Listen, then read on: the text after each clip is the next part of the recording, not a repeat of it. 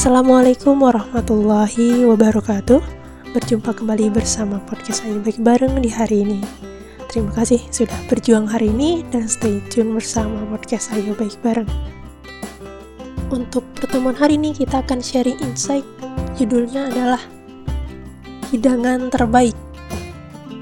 Seorang lelaki masuk ke sebuah restoran dan memesan menu yang ia inginkan Kemudian ia duduk menunggu pesanannya.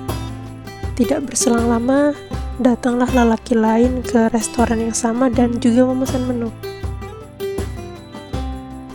Hanya saja, lelaki kedua ini merengek-rengek sambil memaksa agar menu pesanannya dimasak secepatnya.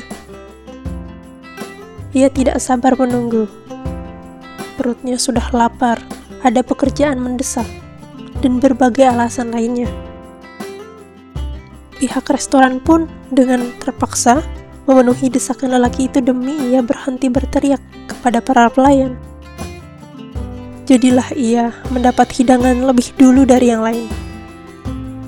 Adapun lelaki pertama tentu saja heran melihat orang yang datang belakangan itu bisa menyantap duluan. Namun, ia memilih bersabar menunggu sampai waktu yang cukup lama. Akhirnya, Seorang pelayan mengantar hidangan ke mejanya. Si lelaki pun dengan bijaksana bertanya kepadanya. Maaf mas, kenapa kok masak pesanannya saya agak lama ya? Bahkan bapak yang duduk di sana justru diberikan lebih dulu. Kemudian dijawab, kami yang mohon maaf pak, tadi ia memaksa disajikan cepat-cepat, jadi kami suruh saja para karyawan yang sedang magang untuk memasaknya. Mereka kebetulan masaknya masih terburu-buru, namanya juga masih pada magang, Pak. Kemudian dijawab oleh bapaknya, "Oh, begitu. Terus pesanan saya ini?" Kemudian dijelaskan, "Ini sebaliknya, Pak. Karena kami tidak ingin Bapak kecewa sudah menunggu lama, maka kami turunkan koki senior yang paling berpengalaman untuk menu Bapak ini. Kami jamin ini adalah hidangan yang terbaik." Syahdan benar saja. Ketika makanan itu disajikan, kelezatannya terasa sejak gigitan pertama.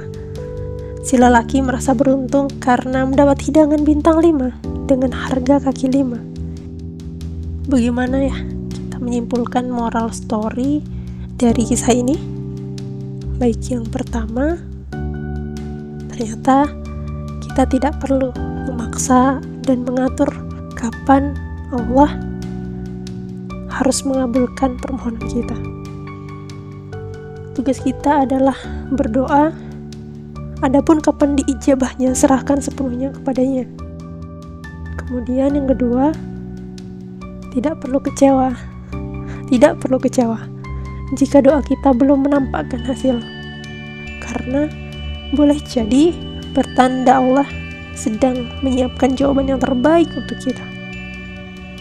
Dan yang bisa kita lakukan saat ini adalah yakin akan hal tersebut. Dan yang bisa kita lakukan saat ini adalah kita yakin bahwa semuanya kita pasrahkan setelah berikhtiar penuh. Berikhtiar full kepasrahan.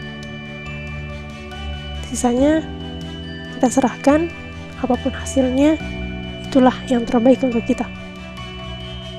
Ya mungkin ini tidak mudah ya tidak mudah untuk diaplikasikan untuk kita ikhlaskan untuk kita bisa menerima sesuatu itu setelah kita diperlihatkan apa sebetulnya yang terbaik untuk kita tapi tidak ada salahnya untuk kita senantiasa bersabar dan bersyukur terhadap apa yang akan disiapkan untuk kita.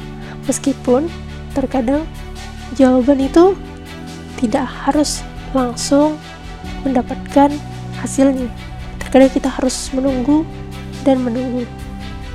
Ya, itu bukan masalah selagi kita masih bisa bersabar. Mari kita luaskan sabar dan coba untuk lebih menerima terhadap apa pun hasil yang sudah kita serahkan kepadanya. 对。teruntuk mengikuti semoga ada kebaikan dari syariat ini terima kasih sudah belum hari ini bersama podcast Baru wassalamualaikum warahmatullahi wabarakatuh